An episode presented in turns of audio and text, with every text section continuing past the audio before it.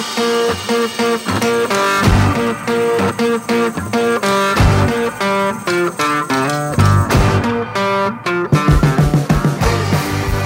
hallo, hallo, og velkommen til en ny episode av Bakrommet. I dag så er det jeg, Marius Jacobsen, og deg, Anders Johansson, som skal eh, lose oss gjennom en eh, episode som handler om et par toppkamper som har eh, skjedd over helga. I Bundesliga så har Leverkosen møtt Bayern München til toppoppgjør, kampen om nesten tittelen, der Leverkosen tok et viktig stikk og gikk opp i da en fempoengs ledelse over Bayern. Og i Spania har vi vært vitne til at Real Madrid tok en solid seier over Girona, og har fått et forsprang i kampen om La Liga. Anders, vi har kost oss med de to kampene, har vi ikke det? Det har vi. Hvilken kamp var du å se, forresten? For de kampene her gikk jo samtidig. Så for den ihuga supporter så gikk det jo ikke an å se ja, Med mindre du har to skjermer, da, så klart. Men hvordan valgte du? Jeg satt og så Girona Real Madrid, og satt jo egentlig og heide på vår Det som da har blitt vårt Girona etter vi har sett en del, men uh, det ville seg ikke denne gangen her. Men Hva er vårt Girona og vårt Leverkusen, vil du si? Altså, Er det våre lag, da nå? Ja, det må det nesten være. Det må nesten Helt til vi tar en eh, skikkelig gjennomgang av eh, Bayern og Real Madrid. Ja, ja det er vel kanskje dags for det òg etter hvert der, etter prestasjonene de leverer. Men eh, nei, det gikk ikke veien i Spania for våre gutter, men det gjorde det jo i Tyskland. Ja, absolutt. Det, det var et uh, Sabi Alonso masterclass, uh, om man kan kalle det det. Der uh, der Leverkosen eh, rett og slett tok taktisk rotta på, eh, på Bayern i toppkampen. Så er det jo litt sånn spesielle resultater med så stor margin. altså 4-0 til, til Real Madrid over Girona. Der er det jo da eh, underdogen som får litt juling, og så er det motsatt når eh, Bayern møter Bayer Leverkusen. og 3-0 der, det var kanskje ikke noen som har spådd, selv om Leverkusen har sett eh, uhorvelig sterk ut i det siste. Nei, men jeg tror faktisk at Leverkosen var favoritt til, den, eh, til det oppgjøret i uh, odds uh, I bookienes uh, hoder, i hvert fall. Ja, de var nok det. Og nå spørs det vel om Thomas Tuchel må ut på jobbjakt etter hvert, eller? Det går i hvert fall rykter om at han allerede har skjønt tegninga og leter seg om, ja. Hjalp vel ikke det, at han tapte det, det det kan man forstå etter den, eh, det oppgjøret her, i hvert fall. Ja, og Thomas Müller som refser både taktisk plan og det meste i, rett etter kampslutt der, det var jo Ja. Det sier vel litt om hvor, hvor de er nå. Han er åpenhjertig, han Thomas Müller, og han, han, er jo på ball denne gangen her, eh, men spørs om han skal ut og si det høyt. Ja. Men ja, nå har vi jo hatt eh, egne episoder om begge lagene, det er jo derfor vi sier at det er våre lag. Så hvis du ikke har hørt eh, episodene om Girona og Leverkusen, så vil vi jo anbefale dere det. Av de episodene vi har laga så langt i bakrommet, så vil vi kanskje si at det er dem som har vært mest fotballfaglig interessant. I hvert fall var det det for vår del. Og forhåpentligvis for din del også, du som hører på. Så de, dem kan jo egentlig gå god for å anbefale for selv dem som ikke eh, ser så mye Girona eller Bayer Leverkusen. Ja, jo, det, er nok de episodene vi har til nå dykket dypest i eh, og sett mest kamper av. Så det, det bør absolutt være mulig å finne et par gullkorn inni de episodene et eller annet sted. Dypt inn. Ja, ja du, du binge-watcha jo hele Girona sin sesong, du. Ja, jeg gjorde jo det. Og det, det er jo derfor det gjør litt ekstra vondt når de får uh, såpass juling av Real Madrid. Mm. ja, jeg ser den. Men nei, for ordens skyld kan vi jo si at uh, Dagfinn uh, ikke er her. Han er jo vår stødige tallknuser og statistiker, statistiker som gjerne skulle ha krydra episoden med sin kunnskap og referanser til norsk eliteserie og alt det der, men han får dessverre ikke til det i dag. Nei, et, par, et, par referanser til norsk eliteserie skal vi nok klare å smyge inn allikevel, Anders, selv om, eh, selv om ja, Men ikke på samme nivå. Ikke på, ikke på, samme nivå. Vi kan ikke si at uh, Stanisic har, er, er tremenning til tredjestopperen til Bodø-Glimt, liksom. Vi er ikke der. Nei, men jeg forventer et par uh, bre nye breddelag dukker opp i løpet av podkasten fra din del. Jeg skal ikke se bort fra at Sprint Jeløy og Porsche blir nevnt, nei. Nei, men skal vi ta og begynne med Leverkosen Bayern da, denne gangen her? Ja. Uh, ja, Leverkosen, de, de, Jeg må jo si at begge lag gjør et par uh, taktiske endringer inn mot uh, kampen her og prøver å utmanøvrere hverandre. Bayern har jo spilt store deler av sesongen i 4-2-3-1, uh, men velger i denne kampen å speile litt det Leverkosen gjør, i en 5-2-3 eller 3-2-5 i angrep-variant. Leverkosen på den andre side pleier som regel å spille igjen i en uh, eh, 3-2-5-variant når de angriper, men denne gangen uh, så fikk Grimaldo litt nye oppgaver i, uh, i forhold til det han normalt gjør, og fikk en breddeholder på utsida av seg bakfra i uh, Hinkapie, som Leverkosen stilte opp med da, i det som nå ble en fire baks-variant når de angrep, der de normalt spiller med en fem når de angriper, eller tre Eh, pluss to wingbacker. Um, noe annet i det strukturelle som du la merke til at, uh, at eh, Leverkosen endra denne gangen, Anders? Jeg vil jo si at valget av spillere nå er litt spesielt, i og med at Frimpong ikke var med på høyre wingback, men at de gikk for Stanisic i stedet og Tella på høyre wing. Nå har jeg ikke sett de siste kampene før det her, men Eh, Frimpong har jo vært ganske fast på høyre wingback og kunne jo ha vært et valg. Eh, men jeg syns det egentlig passa veldig bra med eh, kampplanen til Bayer Leverkusen, der at eh, de gikk eh, Altså, de har jo ikke ballen mest, for å ta litt tall, så har de vel possession-statistikk på Skal vi se her 39 eh, og var komfortabel med å ligge medium blokk til tider, og lav blokk også. Uh, og der uh, velger de jo kanskje Stanisic pga. bedre defensive kvaliteter enn Frimpong, samtidig som han Tella har den farta som de gjerne vil ha når man kontrer. Og der uh, syns jeg de traff veldig bra, syns du ikke? Jo, absolutt. Og for de possession-elskerne som ser på tall og tenker at 61% possession Bayern, de må jo ha vært overlegne, så, så lyver den statistikken der eh, noe så voldsomt. For det, det, som skjer i den første omgangen til eh, Bayern, eh, det er svært lite imponerende og helt kontrollert av det, det, det Leverkosen driver med defensivt.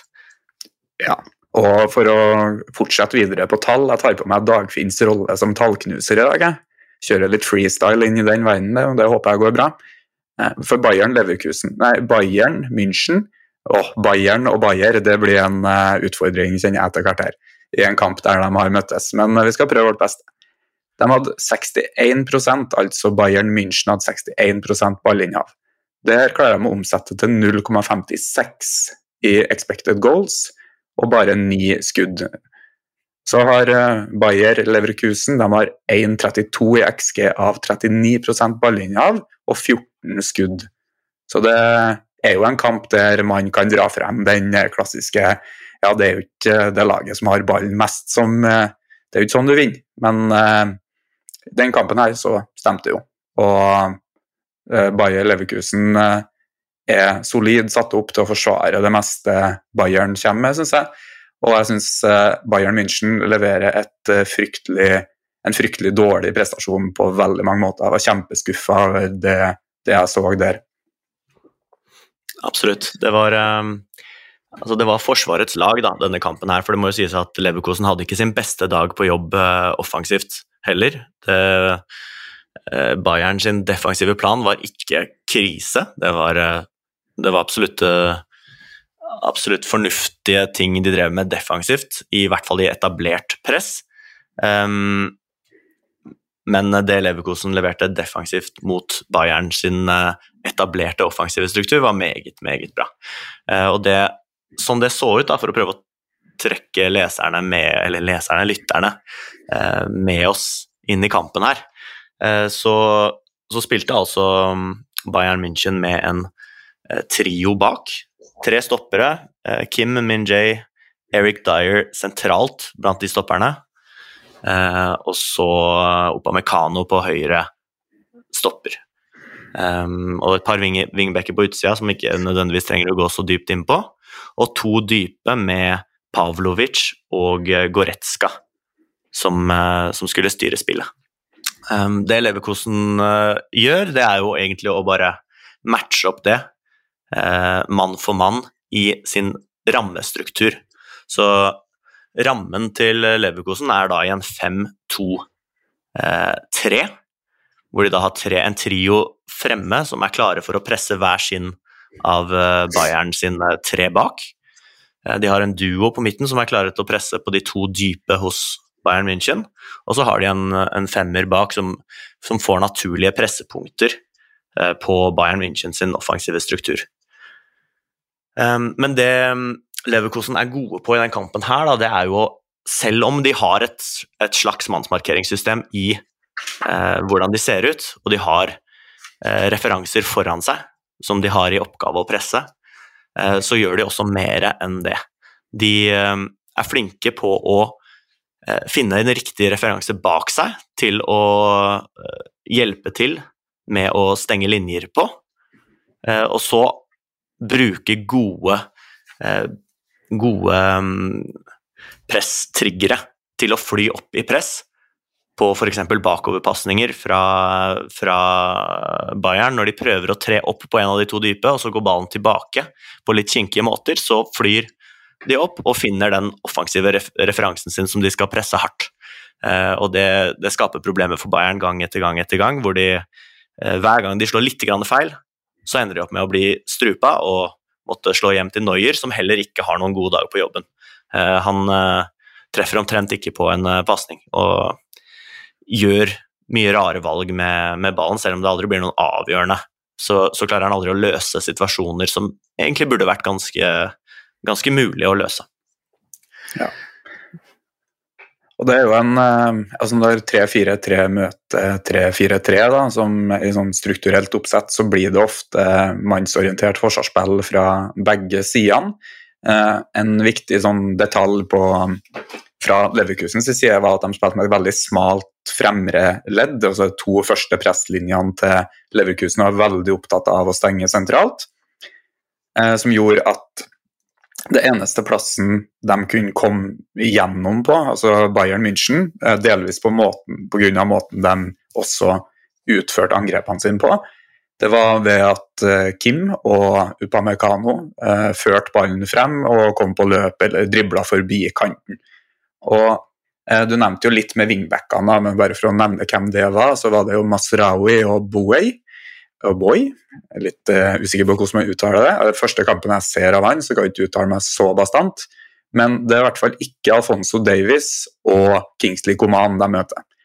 For hadde Bayer Leverkusen gjort det samme, så ville det rommet som de frigjør i bredda, vært uh, veldig mye skumlere hvis det laget de møtte, kunne ha brukt f.eks. sånne spillere til å drible inn og uh, til å drible av wingbacken det blir veldig mange sånne wingback mot wingback-situasjoner som er helt ufarlige, i og med at spillerne som havner der, egentlig er mer defensivt orientert og ikke er gode nok offensivt opp mot sin individuelle markør, da, altså den spilleren de spiller mot. Og Upamecano og Kim er jo ikke den typen stoppere som bør gå rundt omkring og eller fare oppover sida og skal komme med innlegg og slikt. Det er jo ikke det de er gode på. Kim spilte jo sentral stopper i firebacksrekke i Napoli før han kom til Bayern München. Og jeg synes, eh, på grunn av det syns jeg det var veldig en dårlig plan av Tychel. Um, han endrer litt underveis til en 4-2-struktur uh, for å demme opp litt for det. og En slags 4-2-2-2-ish med noen rotasjoner og sånt.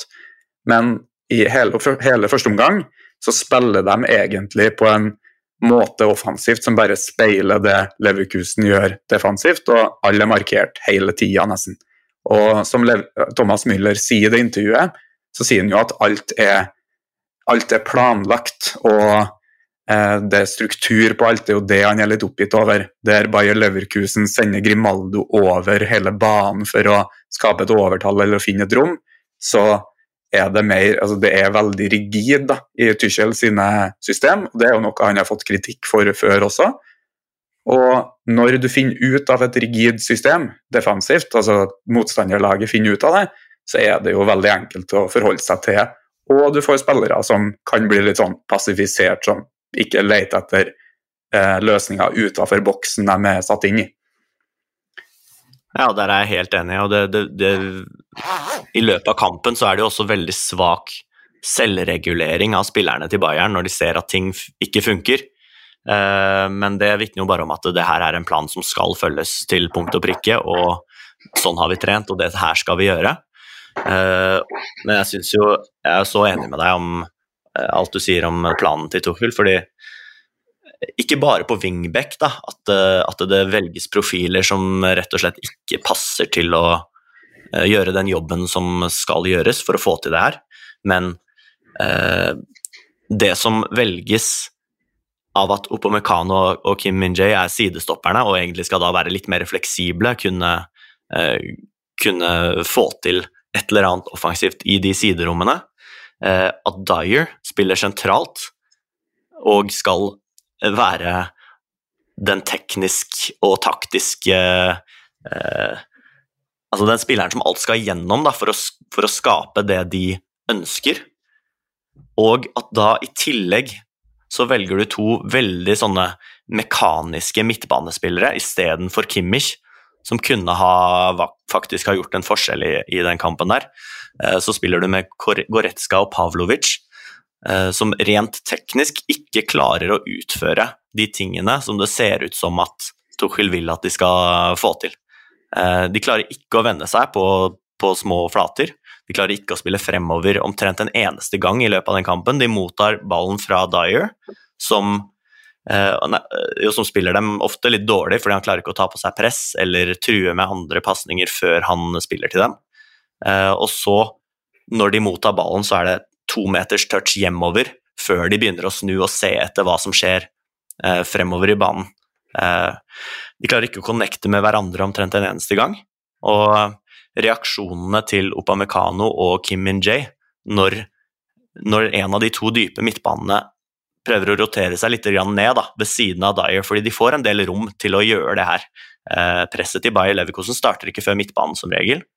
Og det er mulig for uh, f.eks. Goretzka å Eh, legge seg ned ved siden av Eric Dyer, sånn som ofte eh, Tromsø gjør. Men han, han, makter ikke å vende seg og spille fremover, og det hjelper ikke stort da at Kim Min-jae heller ikke makter å true neste linje i etterkant av en sånn rotasjon. Han blir stående, og det gjør at uh, Bayer Leverkosens struktur ikke blir påvirka i det hele tatt av det som skjer. Så Det er en sånn stor mangel på å klare å påvirke strukturen til Leverkosen som gjør det utrolig komfortabelt. Hele den første omgangen ser så komfortabel ut. Alle vet han skal jeg presse, han skal jeg skjerme, og så ligger de akkurat der som du har planlagt på trening hele uka. Ingen endringer. Ja. Eh, så det var utrolig skuffende å se den planen til Tuchel, og at endringene i pausen ikke tar noe hensyn til, at, eh, til, de profilene du har på banen. Han prøver å, han prøver å legge om til en 4-2-3-1 eh, eller 4-2-4, eller, eller åssen det så ut der fremme, er det litt grann rotasjon. Men, mm. men da blir bekken din opp av Mekano. Uh, og det, det, passer, det, er liksom ingenting som passer med de, tingene, de, oppgavene de skal få til. Er det omtrent ingen av spillerne til Bayern i uh, den kampen som passer til å gjøre. Nei, og det er spillerne som eh, settes inn utover kampen. da, Gureiro, eh, Erik Maxim Choupo-Moting, Mattis Tell, Thomas Müller, Joshua Kimmich. Altså, det er jo et par navn der som godt kunne ha vært i elveren også og fortsatt gjort en, eh, en forskjell, syns jeg, da, sammenligna med et par. Jeg syns det er rart laguttak på veldig mange måter. Eh, Kane er vel den som er borti ballen minst. eh, i løpet av første omgang, i hvert fall. Og Leroy Sané kommer jo ikke til sin rett i det hele tatt, eh, egentlig. Med en slags sånn tierrolle. Det er litt det 3-4-3-systemet han hadde i eh, Chelsea, eh, der han bl.a. slår lag som City to-tre ganger. Eh, og spiller bra når de på en måte er det ja, eh, det laget som bare ligger og venter ofte, da, og kontrer i senk. Men det her er jo Bayern München, liksom. Det, jeg forventer jo noe mer. Og jeg forventer jo å se noe som er hakket mer offensivt og morsommere når jeg ser Bayern. Og det tror jeg òg de fleste Bayern-supporterne og lederne i klubben også forventer, egentlig. Ja, og antall ja. touch fra Kane, det er jo, eh, det er jo omtrent det, det, det, prater jo igjen da, til det poenget vi vil frem til med hva slags valg Tuchel gjør i forhold til mannskap. Og Kane blir jo en han blir jo rett og slett bare en løper i hele førsteomgangen som skal løpe inn i bakrom, og så prøver uh, Dyer å klinke baller i bakrom på han. Uh, det, det, liksom Det passer bare ikke. Han, han um, Kane er en spiller som må være i nærheten av ballen. Uh, ja. Men det får han ikke i løpet av den kampen her. Nei, så det høres ut som vi gir Tuchel litt stryk for den kampen her, og det gjør vi. Det, det må vi jo si at vi gjør enn Leverkusen offensivt. da, Hva beit du merke i? De 39% de hadde ballen, hva prøvde de å gjøre med den? Det jeg beit meg mest merke i, er jo hvor mye bedre de løser sin frispilling fra keeper enn det eh, Bayern gjør, mot et ganske så tett markerende motstanderlag. På samme måte som det de selv gjør mot Bayern i det høye presset. Eh, men det Leverkosen får til, er jo å faktisk spille to mot to og tre mot tre-situasjonene sine med en intensjon om å gjøre noe annet enn å bare sentre. Eh, Tuchel sitt posisjonsbaserte system er jo veldig, veldig basert på at pasningene skal føre til at du kommer deg til en sjanse. Eh, mens mot et markerings- eller markeringsheavy system så holder det ikke bare å spille pasninger, fordi alle sammen er uansett markert. Noen må klare å løpe forbi sin motstander, enten med eller uten ballen, for å få til noe. Og der er jo Leverkosten mye bedre. De de har bevegelser og de har eh, oppsett som gjør at de sammen kan passere sin motstander, og ikke bare la ballen passere eh, motstanderlaget. Ja, og de gjør jo litt sånn eh, tradisjonelle Bayer Leverkusen-ting. Og én ting som var litt sånn uh, utradisjonelt, høyre wingback lavt, uh, Hinkapi som venstre back, og da skyver Eh, de tre stopperne på den måten mot eh, venstre, altså midtstopperen på en høyre vanlig stopper og eh, venstre sidestopper går ut. Eller høyre sidestopper inn blir det også, høyre wingback som en vanlig back. Grimaldo opp, og så er det jo Florian Wirtz da, som har en ganske fri rolle. Og Grimaldo også til, til en viss grad, som vi har snakka mye om i forrige episode. og de Eh, det viser jo litt det her med eh, Det er jo en kamp der du har litt friere posisjonsspill, eller et posisjonsspill med element av relasjonisme, som vi var inne på i den episoden med Leverkusen, eh, mot et veldig rigid system. Eh, og jeg, altså når, jeg føler jo det er en seier for eh, den type eh, angrepsspill der det er litt mer frihet. Egentlig i begge knappene, kampene vi skal snakke om i dag. da. Der eh, Real Madrid så klart tjener mye på den kvaliteten de har, men, men likevel det, det er fellesnevner for begge lagene som vinner to kampene her. Så eh, jeg merka jo meg det, da, at de, som du sier, er veldig mye bra fra femmeterne eh, kontra det Bayern gjør, og mot høyt press. Blant annet så har de noen situasjoner der de tilter veldig mye mot høyre, spiller nesten uten bredde i det hele tatt på venstresida. Eh, bortsett fra Hinkapi, som er klar til å komme litt senere. Eh, og det er, jo, det er jo en veldig annen struktur enn det Bayern driver med, som er veldig sånn igjen likevekta og balansert på, på begge sidene med bredde overalt. Eller bredde på begge sidene. Så du, de, eh, de, gjør en del tradisjonelle Leverkusen-ting og lykkes bra med dem. og når de blir markert ut, så har de én eh, femmeter som er eh, veldig fin i eh, andre omgang der. Det er at eh, spissen dropper samtidig som eh, Wirtz sklir liksom over mot andre sida av banen, og de motsatte bevegelsene som går diagonalt, både, altså både mot eget mål der da, fra spissen, men også eh, over mot den andre sida av banen. Det vil jo være ekstra vanskelig for et markeringsforsvar å følge ofte, og gjøre at du får noen ekstra sekunder på det. Så um, det er vel kanskje det en la mest vekt på, og noen fine cornerer som uh, Leverkusen nesten skårer på. Grimaldo skårer to helt, eller slår to helt nydelige cornerer på rad fra begge sidene. Jeg tror den ene er med rist og den ene med skru, som sier litt om repertoaret til den mannen der. Ja, altså den, den ene corneren der må jo alle bare gå og se. Uh, man, må jo, man, må jo, få med seg hva han prøvde på i den, den ene corneren, hvor han fra venstresiden med sin venstre ja. fot. Altså, han, er egentlig, han, er egentlig, klar for å slå en utoverskrudd corner. Eh, så ja. drar han faktisk fram en god, gammel David Louise-flakk. Eh,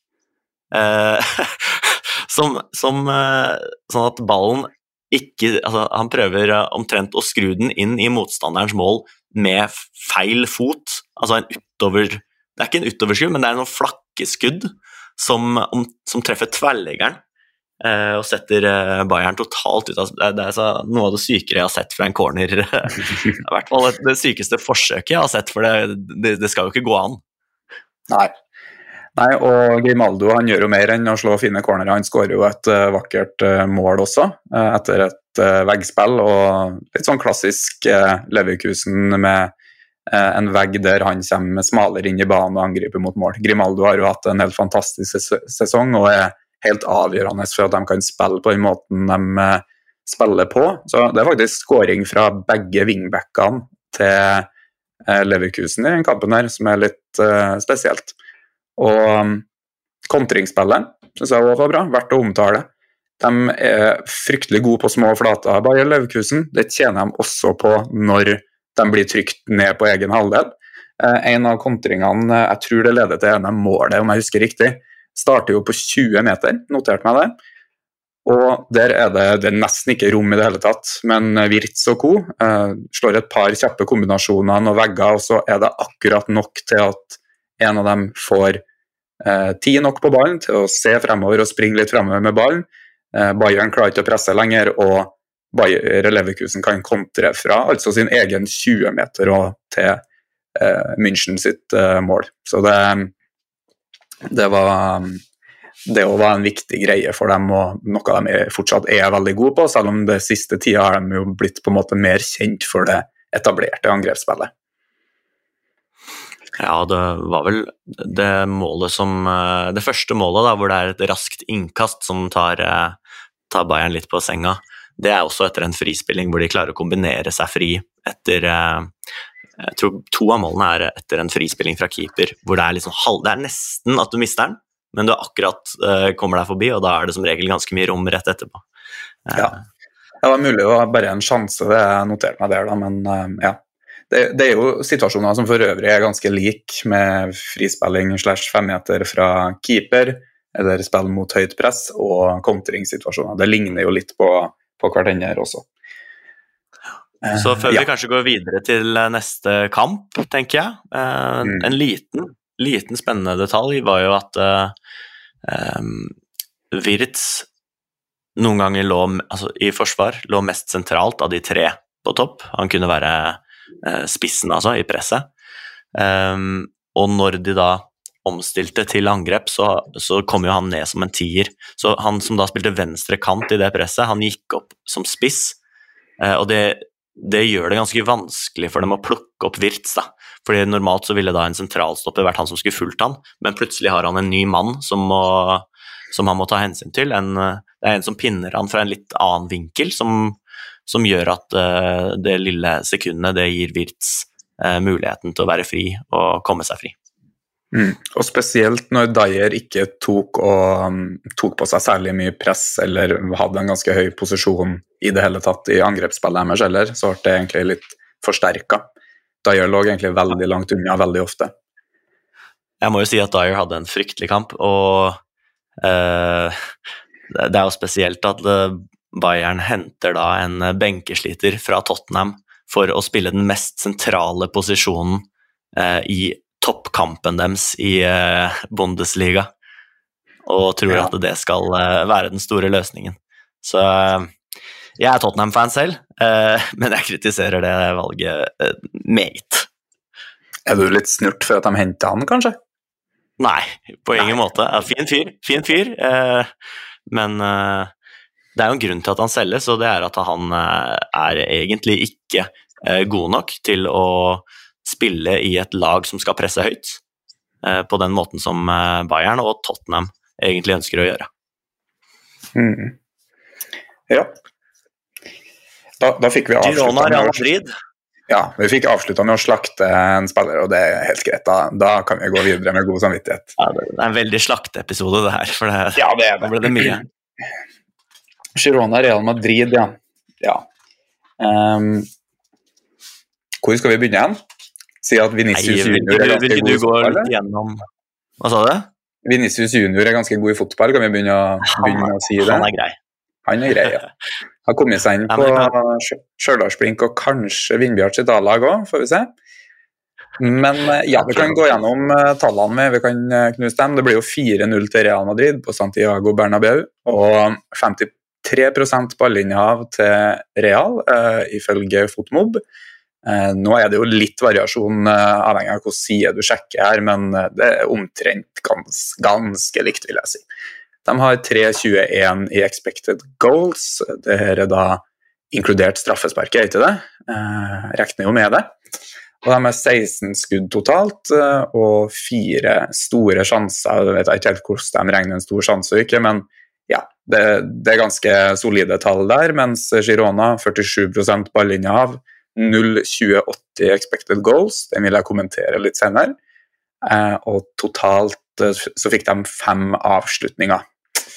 Så ja, det er vel det mest interessante tallene. Hva syns du de hørtes eh, riktig ut? De er jo riktige, men Ja, jeg så jo etter, etter Real Madrid skårer sitt 4-0-mål, så står det da 6-0 i sjanser, eller skudd på mål fra, fra de to lagene.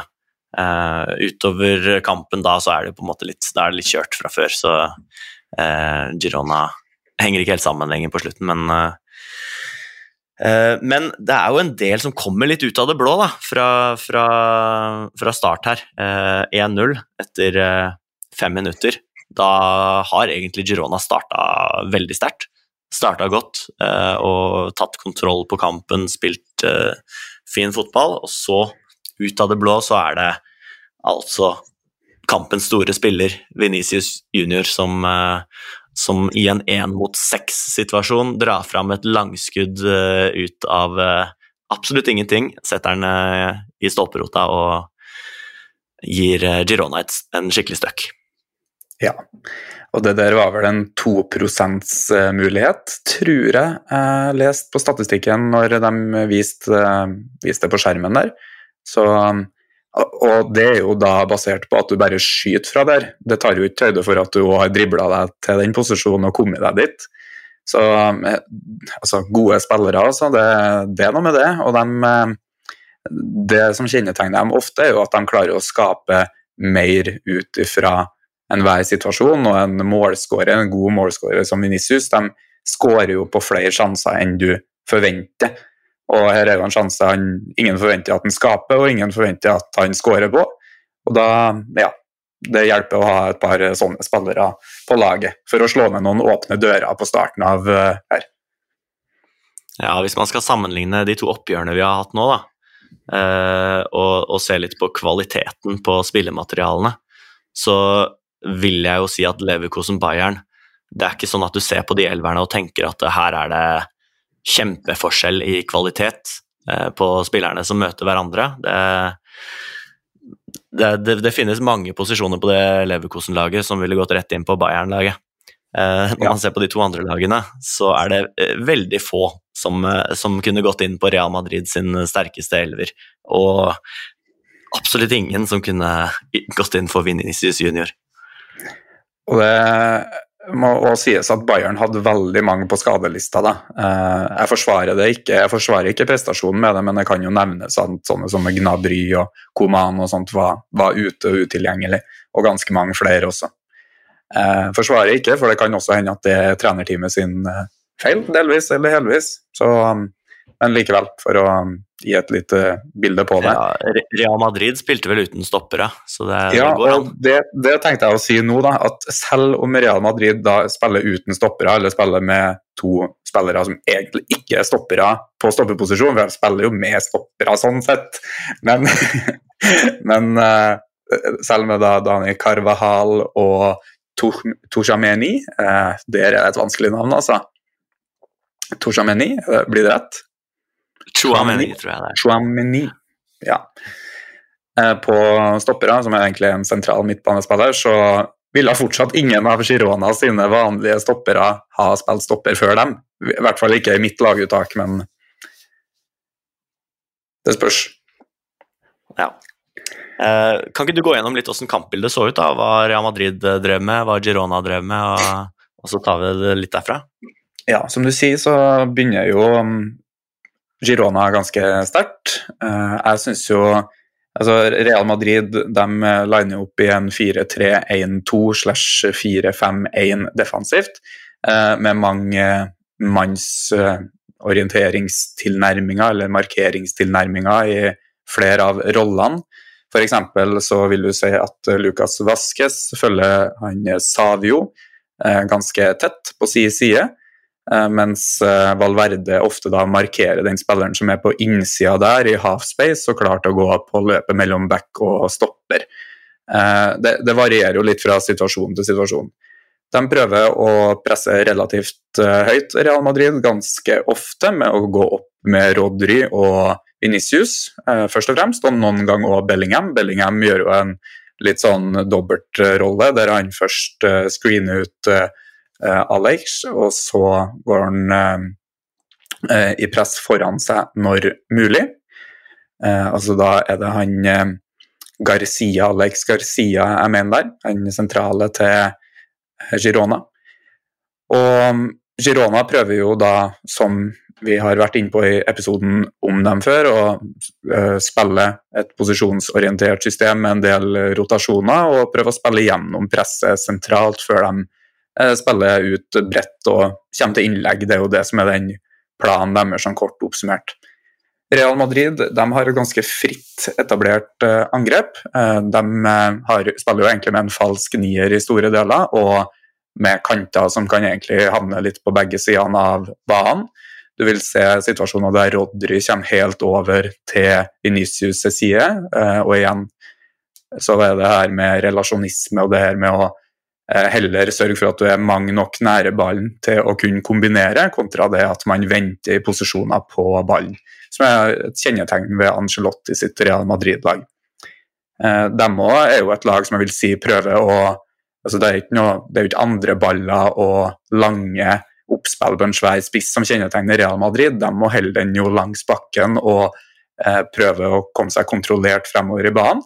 Men jeg vil si det er mye mer variasjon i Real Madrid sitt etablerte angrepsspill enn veldig mange av de mer ja, de relevante eksemplene, da, som City og eh, Leverkusen.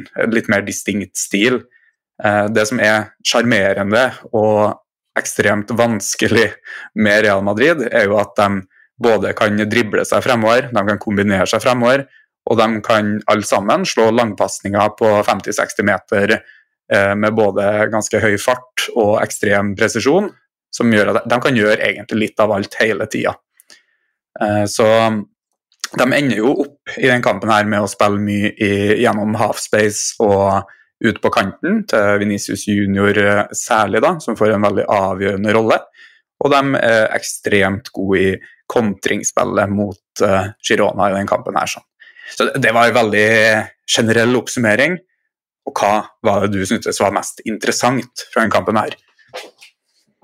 Nei, kvaliteten på spillerne, kanskje, er uh, skyhøy. Altså, Bellingham må jo nevnes i hva, uh, hver eneste aksjon han er involvert i, er, uh, er det kvalitet på. Altså, når du da som falsk nier kommer ned i mellomrommet og vender sånne Tony Cross-pasninger uh, ut på sida, samtidig som du rett etterpå så går du rett i bakrom og, uh, og skårer.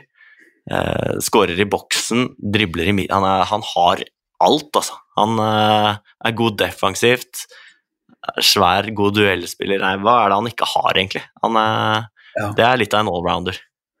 Litt sånn Zinedine Zidane på speed. altså Bare en ekstrem mer utgave, mye mer ekstrem utgave av Zidane, nesten. Altså. Han, han, har jo ikke CV-en og historien til Zidane helt ennå, så han setter den ikke like høyt på legendelista, men ferdighetsregisteret er jo ganske likt på mange måter. Ja, At Real Madrid trykker, fansen trykker han til sitt hjerte, det er ingen overraskelse, basert på det han har levert til nå, i hvert fall. Mm. Nei, og uh, han må nevnes, Venicius junior må nevnes, og så må Tony Cross nevnes. For det er én viktig ting som er med Tony Cross i den kampen her, eller to viktige ting som jeg syns er verdt å få med seg, som jeg la meg la meg merke i. Det ene er jo at Girona stiller opp i ei firebacksrekke, 4-4-2. Eh, det er jo den, tradisjonelle formasjonen deres eh, defensivt og det det alltid er på papiret. Og så roterer de til en 3-2-5 eller 3-2-2-3-struktur offensivt. Men når de da velger å gå ut i 4-4-2 eh, halvhøyt eh, slash høyt eh, press, eh, som det de prøvde på, Uh, ikke alltid de lyktes, så klart, og ble spilt lavere, men det var det som var intensjonen, så det ut til. Så fikk de en del problem, og delvis pga. Kjære tyske Tony Cross.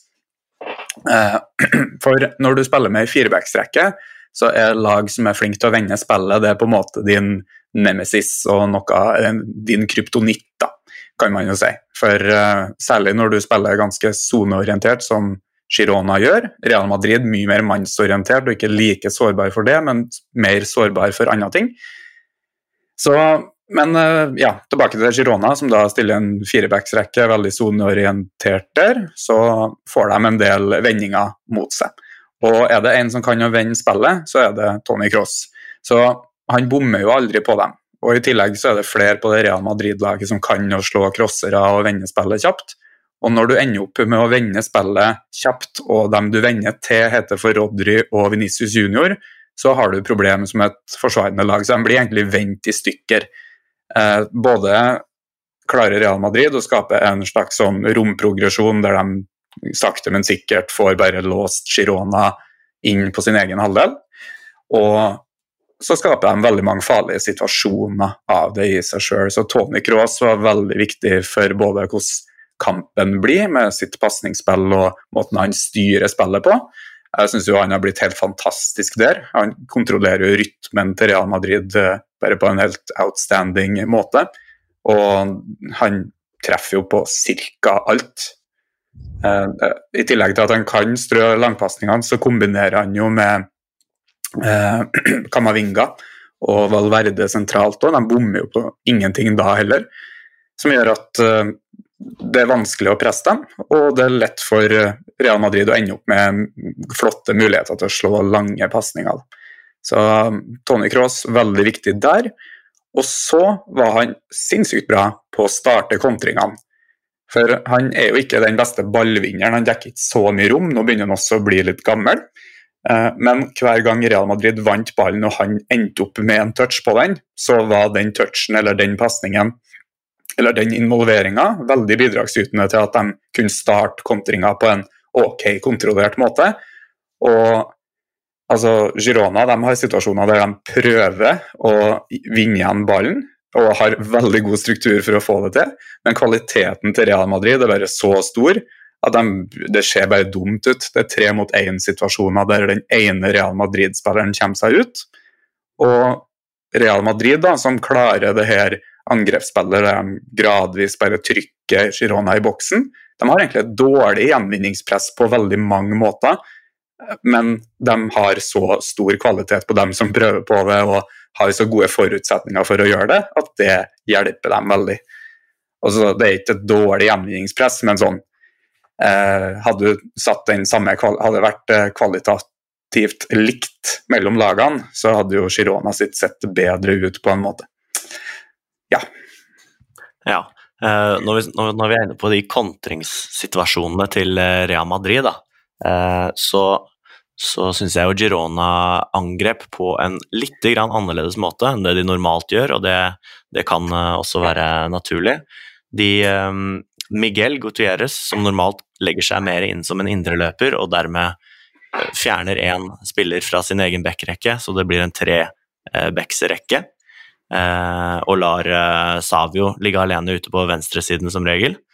Eh, han la seg nå på utsiden av, av Real Madrid sin fronttrio for å kunne motta pasninger fra stopperne der. Så det, var, det ble en slags 4-2-shape. 4-2-4 i første omgangen, som ikke lyktes spesielt godt på, på siste tredjedel. Da de valgte Portu til å spille ved siden av um, ved siden av Dovbyk på topp.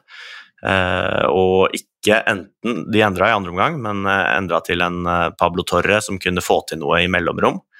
Eller de kunne ha valgt en Stuani til å faktisk gå all in på disse innleggene som de normalt er så gode på. Fordi den andre spilleren som mangla, som normalt spiller den rollen der, det er Jangel Herrera, som ikke var tilgjengelig til, til denne kampen. En annen viktig spiller som ikke var tilgjengelig til kampen, var Daily Blindt noe som gjorde at de måtte spille med Juan P på venstre stopper, som da ikke har en venstre fot. Um, og det ble egentlig ganske tydelig at Girona, som normalt velger ganske offensive strukturer, uh, og ikke er så nøye med hvordan de står i offensiv markering, um, fordi de ser at det å klare å beholde ballen clean og ha gode offensive strukturer er viktigere for dem eh, enn å stå igjen med nok folk til å forsvare kontringer. De vil heller forsvare seg med å ha ballen og flytte ballen langt, langt opp i banen eh, uten å miste den, enn å ofre en spiller til å stå igjen og dermed ha dårligere offensiv struktur, men en bedre markeringsstruktur, kanskje. Eh, I denne kampen, når du da spiller med fire bak, altså to stoppere og to backer eh, mot Real Madrid sin trio fremme, så vil jo det si at hvis du ikke lykkes da, med, med, den offensive strukturen din, med å klare å frispille og komme deg hele veien frem i angrep og strupe motstanderen i egen boks, eh, det fikk de veldig sjelden til. Og når de ikke lykkes med det, så vil det si at Real Madrid står igjen med en tre mot to-situasjon mot uh, stopperne til Girona. Og det ble, ikke, det ble, ikke, avgjørende i starten av kampen, uh, men helt til slutt så ble det det som tok livet av kampen. Um, første omgang så er det to mål som Venicius egentlig skaper helt ut av ingenting på egen hånd. Uh, den ene hvor han skårer, og den andre hvor han, han har en latterlig utsidepasning igjennom til uh, Bellingham. Um, uten at de egentlig skaper noen store sjanser i, i første omgang Real Madrid, utenom de to målene. Men uh, i andre omgang, når de begynner å bli litt slitne Jan Kauto har jo en forferdelig, forferdelig dag på jobben, dessverre, stakkars. Som stakkars. på høyrebekken da er nødt til å møte på Venicius Junior, som har sitt livsdag på jobben. Uh, og Jan Kauto for det første egentlig skal angripe forbi Venicius, så hver gang de mister ballen, så må han sprinte for å rekke å hente opp igjen uh, Venicius, som da allerede har en liten fordel på han, og den fordelen den blir bare større og større for hvert sekund som går. Uh, han, jeg tror han, han, kan ikke ha fått tak i Vinicius, uh, ballen fra Venicius en eneste gang i løpet av den kampen der. Uh, han kroner det med å miste den siste ballen til en, en kontring til 4-0, som egentlig ble akkurat en sånn her 3 mot 2-situasjon mot stopperne, som, som, det man kan være litt redd for hvis man møter denne strukturen og man spiller med en fire bak som skal prøve å passere den fronttrioen. Så den ble avgjørende på slutten. Ja. Eh, men det som ble aller mest avgjørende, er at den tekniske kvaliteten i laget uten Daily Blindt bak der eh, Det ble tydelig at de, de, de fikk ikke til de, de, samme kline oppbyggingene som det man trenger hvis man skal faktisk dominere på den måten. Og det andre er at de klarte ikke å komme til spesielt mange innlegg. Eh, de har mange situasjoner hvor de kommer seg fri til bekken sin, men derifra var planen ganske svak for å komme seg videre.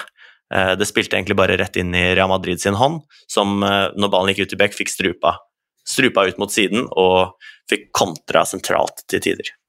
Ja, og um, på starten av kampen så får de jo del, en del fine gjennombrudd på høyresida. Uh, litt pga. dårlig forsvarsspill av Real Madrid. Altså, Real Madrid gjør generelt en del rare ting defensivt, uh, syns jeg, men kompenserer ofte med at de har fantastiske spillere begge veiene og rydder opp i eget uh, søl.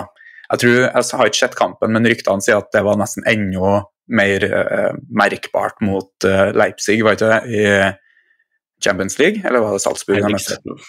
Nei, men uansett. De uh, beste angrepene til Girona er når de får uh, trukket på seg press fra Venicius fra den, på den høyre sidestopperen da, i sånn situasjonell bakre trio der. Det er vel Garcia som får den. Eh, og altså høyre stopperen til vanlig. Men i det rommet i hvert fall, så kommer Venicius opp, prøvde å presse fremover. Og da samtidig så dropper en av spillerne på utsida der, gjerne en sentral midtbanespiller som dropper på utsida av Venicius, og så får de spilt forbi der uten at Kamavinga eller Mendy kan presse. Sånn kom de seg forbi det første pressleddet og greide å skape noen innleggssituasjoner i starten av kampen som var egentlig ganske farlig. De får jo aldri noe skudd, da. De har ikke et skudd på mål i kampen. Så um, det var egentlig slik de skapte der, og der har de jo han høyrekanten sin fra Ukraina, Zygankov, som kom inn på eh, Spilte på innsida av Mendy. Og der så du at det var en veldig sånn åpenbar forvirring mellom Mendy og Kamavinga, eller en situasjon der ingen av dem klarte å presse ballføreren bredt, eh, som gjør at Girona fikk gratis eh, progresjon oppover langs den sida der. På venstresida har de to-tre ganger i første der at de greier å spille fri en spiller mellom back og stopperen. Eh, jeg tror det er Skal vi se, hvem var det da? Han, jeg lurer på om det er Martin eller Portu som eh, Ja, det er vel Portu som kommer over i venstre halfspace og i det rommet mellom back og stopper og blir spilt igjennom der. Valverde litt på etterskudd, og han som hadde den oppgaven. Og de, Det er jo sånn de skapte sine situasjoner på venstresida. Det du savner da, er jo Savio, at de aldri fikk egentlig involvert han til å gjøre noe særlig ugagn. Eh, og der er jo en back som tidligere ikke var back, som spiller mot den. Eh, Lukas Vasques var jo tidligere kant for mange år siden, men eh, veldig rask og eh, har et ganske tett markeringsansvar der. og eh, Dessverre for eh, Girona så funka Real Madrid sin defensive plan bedre på den sida der Girona var sterkest. Så det var kanskje derfor de òg satte Savio på høyresida etter hvert i kampen, men de fikk liksom ikke så mye ut av det heller. Nei, generelt sett så fikk Girona veldig lite ut av uh, angrepene sine. De hadde vel 47% possession, så det er ikke som om de ble nekta å ha ballen uh, hele veien her, men uh, det var litt lite eh, kreativitet på, på siste tredjedel. Eh, eller kanskje en manglende plan på hva som skulle skje etter den første fasen av, av eh, etablert angrep. Ja, det, det, så ikke helt ut som dem. Nei, og det virka som han Miguel Gutierrez hadde en veldig sånn åpen eller stor rolle, vil jeg si, for han gjorde veldig mye forskjellig. og Vi har jo skrytt av dem her tidligere med at de har vært flinke til å skape de strukturene som eh, de har vært gode til å spille gjennom. da. Eh, men jeg syns ikke de var som du var inne på, så synes jeg ikke de var like flinke til å skape dem. Det var eh, ikke like stabilt, og da den gangen her i negativ forstand, for det alternativet de kom med, funka egentlig dårligere enn det de vanligvis gjør. Real Madrid òg Du kan jo si at ustabilt og dynamisk er mye det samme, men eh, Real Madrid løser det jo effektivt. De er jo mer vant til å spille sånn. Så selv om de er mer fri flyt og sånn, så klarte ikke Girona å benytte det til sin eh, fordel, egentlig. Så de, de klarer liksom ikke å utnytte de rommene, eller fylle det tomrommet fra Daily Blindt, og den venstre sidestopperen er det ganske tydelig at man mangler, da, som man hadde der. Jeg syns òg de eh, ikke lykkes særlig i å utnytte de hølene i det bakre leddet til Real Madrid som faktisk oppstår når de gjør som de gjør. Fordi at på Mendis side, der du har en kant som spiller på innsida nesten hele tida, så var det ofte at en crosser kunne ha vært mulig. Tony Cross har slått den crosseren, for å si det sånn. da. Helt ut bredt. Og så eh, hadde du Lucas Vasquez, som var veldig mannsorientert etter Savio. Der var det et ganske stort rom eh, mellom back og stopper, som også kunne vært nådd diagonalt, med ganske farlige pasninger i bakrom mellom back og stopperen, og altså over eh, høyrestopperen til Real Madrid. Men det løpet kom liksom ikke, og de så egentlig ikke etter det heller. Så det er en sånn ting de antagelig kunne ha utnytta litt bedre, hvis du ser på det fulle spekteret av angrepsspill. Så er jo de veldig tro mot sin plan og sin stil, som ofte jo er, er bra på noen måter, men kanskje eh, lite hensiktsmessig på andre, så lenge de fratar åpenbare muligheter til å skape ting. Ja, det der er vel et rom som Miguel Gutierrez normalt sett kanskje ville angrepet oftere. Det, det imellom ja. stopper og bekk ved siden av eh, Savio, eh, men hvor han føltes kanskje litt mer Uh, han føltes kanskje litt mer tvunget til å komme på utsiden av kantene til Real Madrid denne gangen enn han, den friheten han normalt kanskje føler på. Ja, og så, Nå begynner vi vel kanskje å runde av, nærme oss timen her, men jeg vil jo igjen komme inn på Venicius junior og hvor deilig jeg syns det er å se både han og Real Madrid spille fotball nå.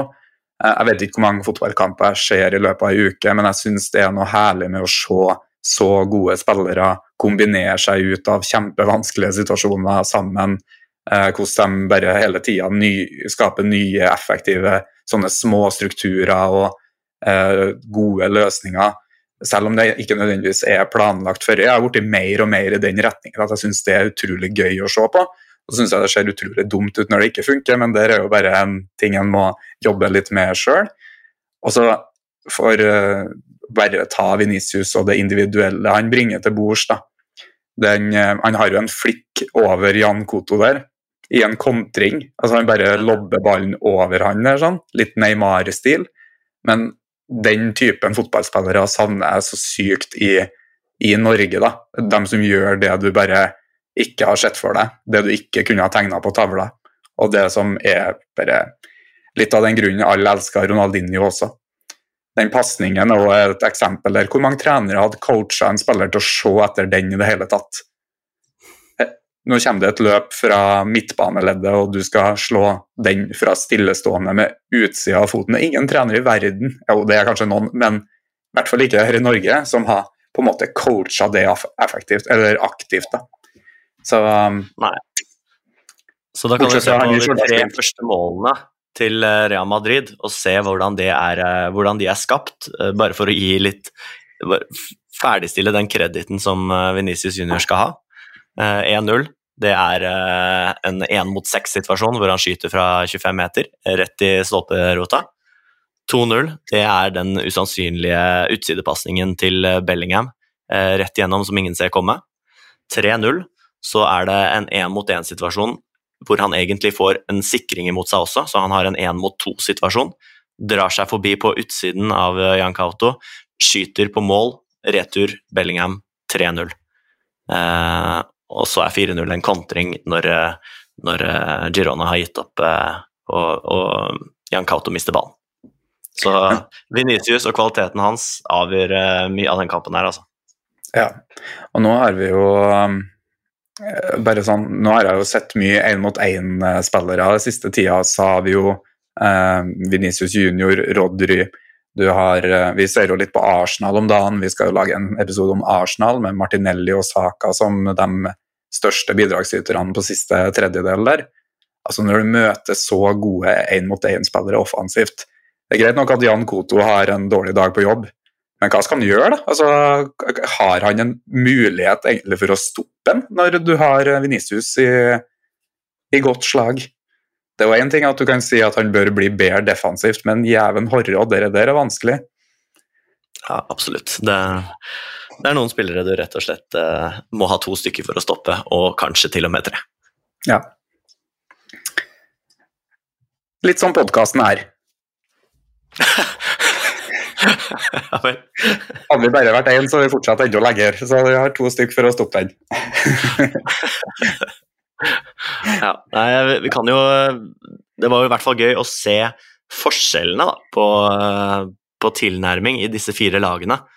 Mm. Og da kanskje den store forskjellen mellom Bayern München sitt ekstremt rigide system og Real Madrid sitt nesten totalt uh, fleksible uh, system, hvor spillerne får omtrent fri rolle til å gjøre eksakt det de ønsker, uten noen spesiell posisjonsspesifikk ramme. Tillit under ansvar. Carlo Angelotti, altså, for en mann. Og så er jo Girona egentlig kan du når du har så gode spillere. Ja, og Girona er vel egentlig en liten sånn eh, mellomting. Girona og bare Leverkusen vil jeg jo si en liten mellomting. der du, du har egentlig hele spekteret fra posisjonsspill til relasjonisme, hvis du kan kalle Real Madrid det i samme grad som Fluminense f.eks. Og så har du de toene som er litt imellom, der Girona heller litt mer mot posisjonsspill og rigiditet, og eh, der Leverkusen er mer flytende. Så det er artig, fire artige lag. å se egentlig så tett opp mot hverandre. Ja, og artig det blir det sikkert eh, neste uke, når vi skal forhåpentligvis eh, få i gang en Arsenal-episode. Uh, krever jo ganske mye research av oss nå i løpet av uka som kommer, men jeg gleder meg til å sette meg ned og se hva, hva det er Arteta har fått til. Ja, det, det, gjør jeg også. Jeg har jo begynt å tjuvtitte litt, så og dem som følger med Arsenal, vet jo at det er mye gøy. Det ble 6-0 i forrige match mot Westham her, så det er ikke akkurat dårlig, dem heller. Nei. Og da er det vel egentlig ikke noe mer å gjøre enn å takke for følget, hvis du har klart å følge med på en hel time med, med taktisk uh, prat med meg og Anders. Så gratulerer vi deg med det. Det, det er ikke alle som får til. Og så håper vi at du får en fin helg. Ja. Takk for nå.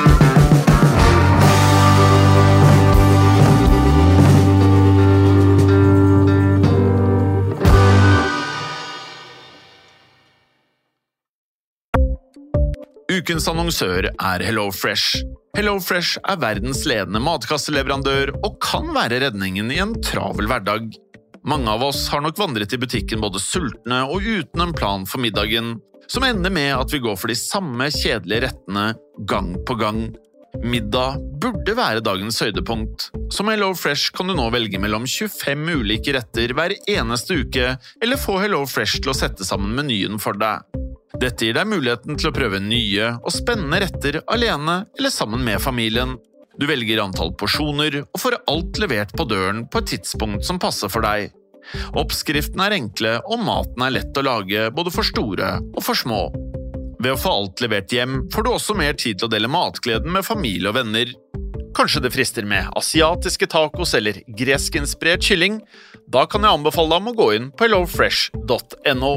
Her kan du bruke koden FOTBALL og få opptil 1779 kroner i rabatt på de første fem matkastene hvis du ikke har prøvd Hello Fresh tidligere. Du kan også bruke rabatten hvis du har vært kunde og stoppet abonnementet ditt for tolv måneder siden eller lengre. Gå inn på hellofresh.no og bruk koden FOTBALL.